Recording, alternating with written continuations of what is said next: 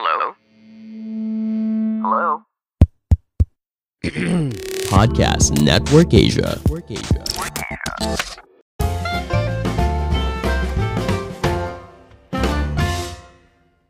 Halo semuanya, kembali lagi bersama saya Madianto. Kali ini kita akan membahas tentang tips mengurangi banyak benda.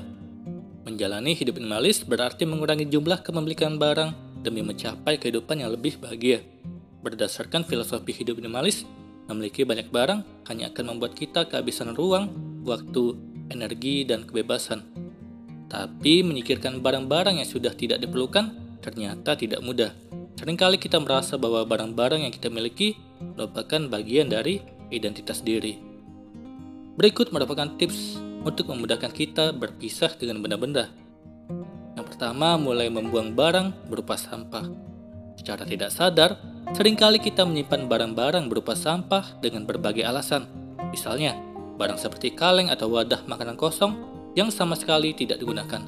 Terkadang juga kita menyimpan barang berupa peralatan rumah tangga yang sudah rusak dan tidak mungkin diperbaiki.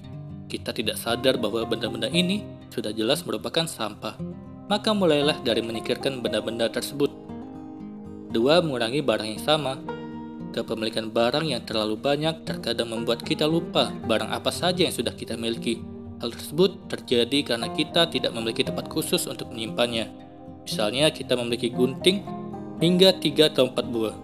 Atau kita memiliki segenggam ballpoint, tapi yang benar-benar dipakai hanya satu atau dua saja. Maka cobalah untuk memilih barang tersebut dan mulai mengurangi barang-barang dengan fungsi yang sama. Ketiga, buang barang yang tidak digunakan sejak lama. Metode penting dalam proses membuang barang adalah kita perlu memikirkan barang-barang yang sudah tidak digunakan sejak setahun lamanya.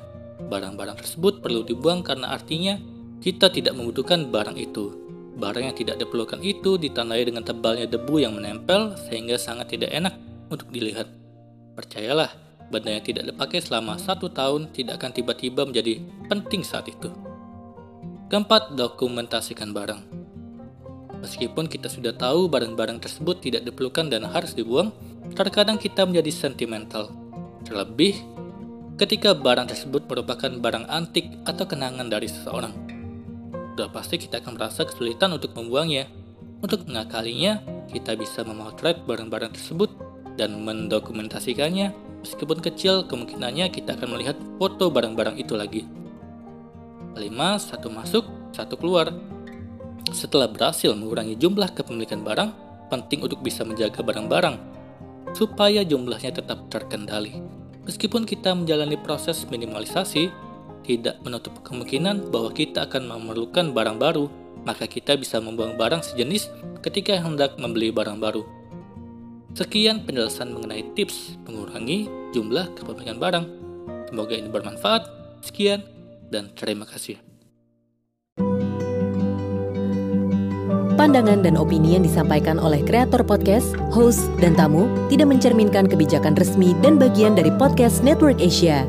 Setiap konten yang disampaikan mereka di dalam podcast adalah opini mereka sendiri dan tidak bermaksud untuk merugikan agama, grup etnik, perkumpulan, organisasi, perusahaan, perorangan, atau siapa pun dan apa pun.